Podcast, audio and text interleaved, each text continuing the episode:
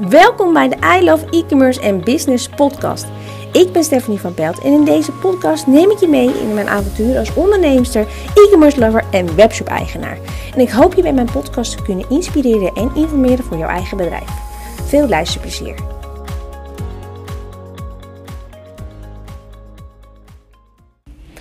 Welkom bij weer een nieuwe podcast op deze maandag. Um, nou ja, we zijn ondertussen alweer aan de laatste week van juli begonnen. Het gaat echt zo snel.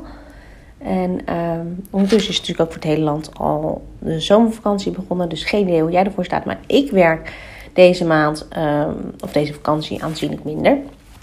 Moet wel, want er zit een kleintje thuis.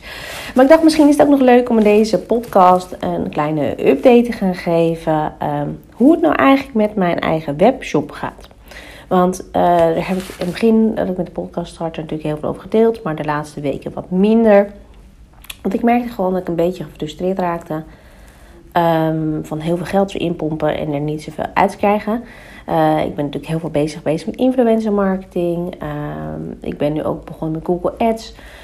Maar de reden waarom ik niet meteen met Google Ads begon was omdat ik gewoon weet dat de concurrentie natuurlijk heel veel advertentiebudget heeft. En dus vrijwel altijd bovenaan in Google Ads staat. Dus daarom ben ik heel veel bezig geweest met organisch, uh, organische vindbaarheid met blogs. En uh, met mijn paar euro per dag kom ik niet in de buurt van de concurrentie. Want dan moet ik namelijk geloof ik 45 euro of 50 euro per dag gaan besteden. En dat is me nog een beetje te gek. Dus ik ben er nu langzaam mee aan het uittesten. En aan het kijken van oké, wat kan ik dus doen. En misschien langzaam aan budget op de, hoogte, maar, op, op de. Maar daar komt nog niet echt uit wat ik uit wil hebben. Dus dat is een beetje frustrerend. Dus ik merk gewoon dat ik de laatste weken soms een beetje gefrustreerd raak. Misschien even de teugels een beetje laat vieren. Niet zo vol alleen maar mee bezig zijn met presteren, presteren, presteren. Dat is een beetje een, tik van mij. Um, um, en er komt gewoon, ik, ik, heb, ik heb een aantal weken geen bestelling gehad. En dan had ik een 1 en 3 in de week. En vorige week had ik er 1. Dus het, is eh, lastiger als ik dacht. Ik wist wel dat het lastig zou zijn, want je kunt niet de normale wegen bewandelen. Dus dat is een beetje balen. Um, maar nog steeds een hele leuke uitdaging. Ik ben ook vooral met Pinterest heel erg in de weer. En ik merk dat daar best wel uh, heel veel bereik uitkomt. En ook heel veel bezoekers. Maar de verkopen blijven nog een beetje uit. En dat is misschien ook gewoon nog... Um, naamsbekendheid opbouwen. Dus waar eigenlijk elke ondernemer tegenaan loopt in het begin van uh, zijn webshop, is dat je uh, ook gewoon geduld moet hebben. Dus dat is mijn les voor het aankomende kwartaal: geduld hebben. Ik heb nu dan toevallig meegedaan met een of andere blogbox. Dus de, mijn product ging naar 15 bloggers toe. Volgens mij is het om geplaatst bij 4 of 5. Dus er moet nog van alles uitkomen. Ik weet niet of dat het wordt, maar het was in verhouding wel goedkoper dan wat ik vorige maand uit had gegeven aan, uh, aan de influencers. Uh, en dan meteen meer mensen. Dus het is even afwachten wat, daar, uh, wat daarmee gaat gebeuren. Dus ik ben heel erg benieuwd. Um, in deze um, podcast wou ik het eigenlijk met jullie gaan hebben over, um, over hoe je een goede homepage opbouwt. En ik had onlangs SEO-tekst geschreven voor een klant. En die raakte een beetje in de war van het feit dat ik best wel heel veel tekst op de homepage plaatste.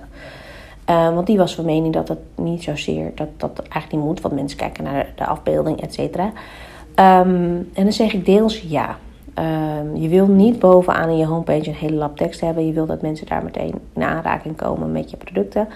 Maar voor je SEO um, is het wel nodig dat er op je homepage en op alle andere pagina's gewoon een goede tekst staat waarbij bij mensen of bij, bij Google jou kan oppakken. Dus als je zeg maar gaat kijken van waar moet nou een goede homepage aan voldoen, zijn het een aantal dingen. Uh, je wil eigenlijk gewoon dat het één keer overzichtelijk is en dat één keer mensen uh, in aanraking komen um, met je product. Ze moeten eigenlijk gewoon meteen kunnen zien wat je product is. En vaak is het, uh, zie je wel eens dat er lelijke foto's of geen foto's op de homepage, geen banners. Um, daar zijn ook nog wel eens discussies over of je wel of geen slider moet doen. Ik denk, ja, wat maakt het nou eigenlijk uit? je moet ook zo zien, mensen gaan niet heel uitgebreid. Het groot gedeelte van de bezoekers gaan niet je hele homepage afstruinen. Dus je wilt gewoon een, eerst, goede eerste indruk geven. Dus die banner die er als eerste staat, moet met meteen duidelijk laten zien wat jij doet en meteen een sfeer zetten. Dus op die homepage zal je inderdaad ook voor een groot gedeelte niet heel veel tekst hebben staan. Je hebt wat tekst misschien in je banner staan, je hebt misschien je USP's vermeld. Uh, je hebt meteen, meteen, duidelijk vermeld van um, wat je levertijd is, verzendkosten, wat je uniek maakt. En helemaal onderop komt pas die SEO-tekst. Dus um, alles wat daarboven is, moet gewoon clean, simpel, strak zijn. Het moet bij je huisstijl passen. Uh, je moet um, mensen naar je beeld toe trekken. En als we het dus wel gaan hebben over die sliders. Het kan zijn als je heel veel sliders hebt en bewegend beeld. Dat dat dus inderdaad kan afleiden. Maar het kan ook wel goed zijn om bijvoorbeeld, als je er vol drie hebt, om wel mensen hun aandacht te trekken naar bijvoorbeeld als je bepaalde aanbiedingen hebt. Dus dat is een beetje eh, een, een lastige. Er wordt heel veel tegengesproken. Maar je moet er dus eigenlijk voor zorgen dat je gewoon een hele duidelijke layout hebt. Um, die niet te veel schreeuwt, niet te veel afleidt. Die gewoon duidelijk en simpel is. En eigenlijk gewoon je producten gewoon voorop stelt. Vaak zie je ook dat um, heel veel uh, nieuwe designs zijn ook allemaal mooi, allemaal egale kleuren. Um, maar waar we ons daar deels in vergissen, dat we ook bijvoorbeeld meenemen in een module van de Webshop Succesformule, um, is het feit dat je, uh, wanneer je hele website clean is en mooi, dat je knoppen, voegt hoe je winkelmandje of aanbiedingen, dat die dan wegvallen, omdat die helemaal meegaan in de huisstijl. Dus het kan soms ook wel een goed idee voor zijn om die juist wel eruit te laten springen. Nou, hoe het zit met die kleuren en hoe het daar allemaal zit, dat ga ik je niet mee vervelen. Um, maar wel dus een belangrijk om rekening mee te houden. Als bij jou alles clean is en die knoppen vallen weg, dan is dat misschien zonde. Um, ook een heel belangrijk onderdeel natuurlijk van je homepage, en dat is eigenlijk natuurlijk van je hele website, is een duidelijke hoofdmenu. Je wil namelijk dat als iemand op je website komt, meteen in je menu kunt zien waar ze naartoe moeten gaan. Je wil niet dat, uh, dat je drie verschillende menus hebt. Ik had onlangs een klant die had uh, bovenin in de balk, zeg maar, waar normaal gesproken je menu zit, had die um, je klantenservice, contacten en dat soort dingen. En dan links zat de knopjes naar de categorieën. En ik, ik raakte daar helemaal van in de war. Je wil gewoon dat het duidelijk is en dat ze op één plek uh, direct naar alle categorieën kunnen gaan. En misschien naar je belangrijkste contact. En alles wat niet zo belangrijk is, stuur je eigenlijk gewoon naar je voeter. Dus een heel duidelijk hoofdmenu met duidelijke koppen waar mensen meteen weten waar ze naartoe moeten. Um, misschien niet te veel drop-downs. En uh, soms zie je ook wel eens dat wanneer je bijvoorbeeld naar kleding gaat, dan heb je onder kleding heb je tops. En onder tops heb je bijvoorbeeld hemdjes en uh, shirtjes en weet ik veel, allemaal nog zes verschillende tops.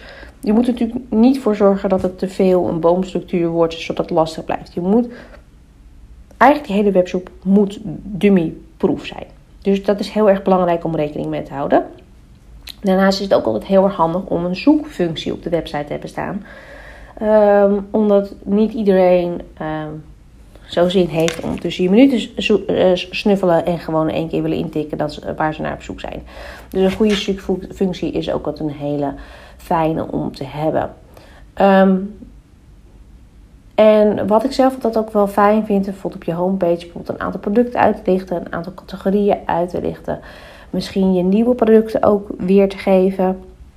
Dus uh, dat je een kopje nieuw hebt staan waar al je nieuwe producten onder te staan. Je kunt eventueel je blog ook nog meenemen, maar je moet er wel voor zorgen dat het niet te druk wordt. Het moet niet afleiden zeg maar, van je producten. Um, en wat ik zelf ook altijd wel heel belangrijk vind.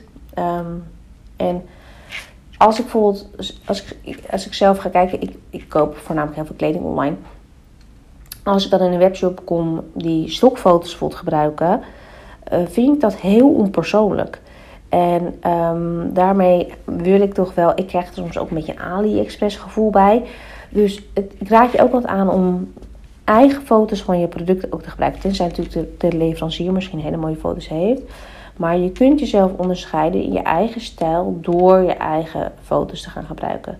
Dus Um, authentiek beeld zorgt dus ook voor dat je een bepaalde sfeer kunt neerzetten en dat mensen uh, meteen daardoor beter beeld krijgen van jouw webshop. Dus als je um, dus gaat kijken van waar moet nou je homepage aan voldoen, zorg dat het clean en overzichtelijk is met mooie foto's die je eigen stijl neerzetten. Mensen moeten meteen kunnen zien wat je, wat je verkoopt. Je USP's moet duidelijk zichtbaar zijn. Um, zorg dat je knoppen ook niet wegvallen ten opzichte van de rest van je huisstijl. En uh, zorg voor een duidelijke menu, zodat iedereen uh, ook meteen weet waar naartoe moet. En een zoekfunctie.